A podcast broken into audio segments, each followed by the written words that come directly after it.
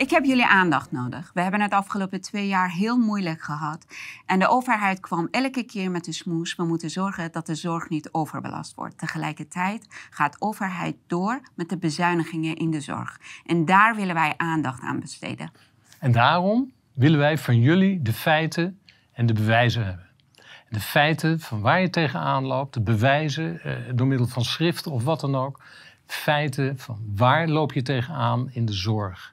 En dan is het ook een beetje de kwestie van wat, wat is dan de zorg? Dat weet jij. Ja, nou we willen gewoon alles wat met zorg te maken heeft onder aandacht brengen. Ouderzorg, jeugdzorg, psychische zorg, klinische zorg.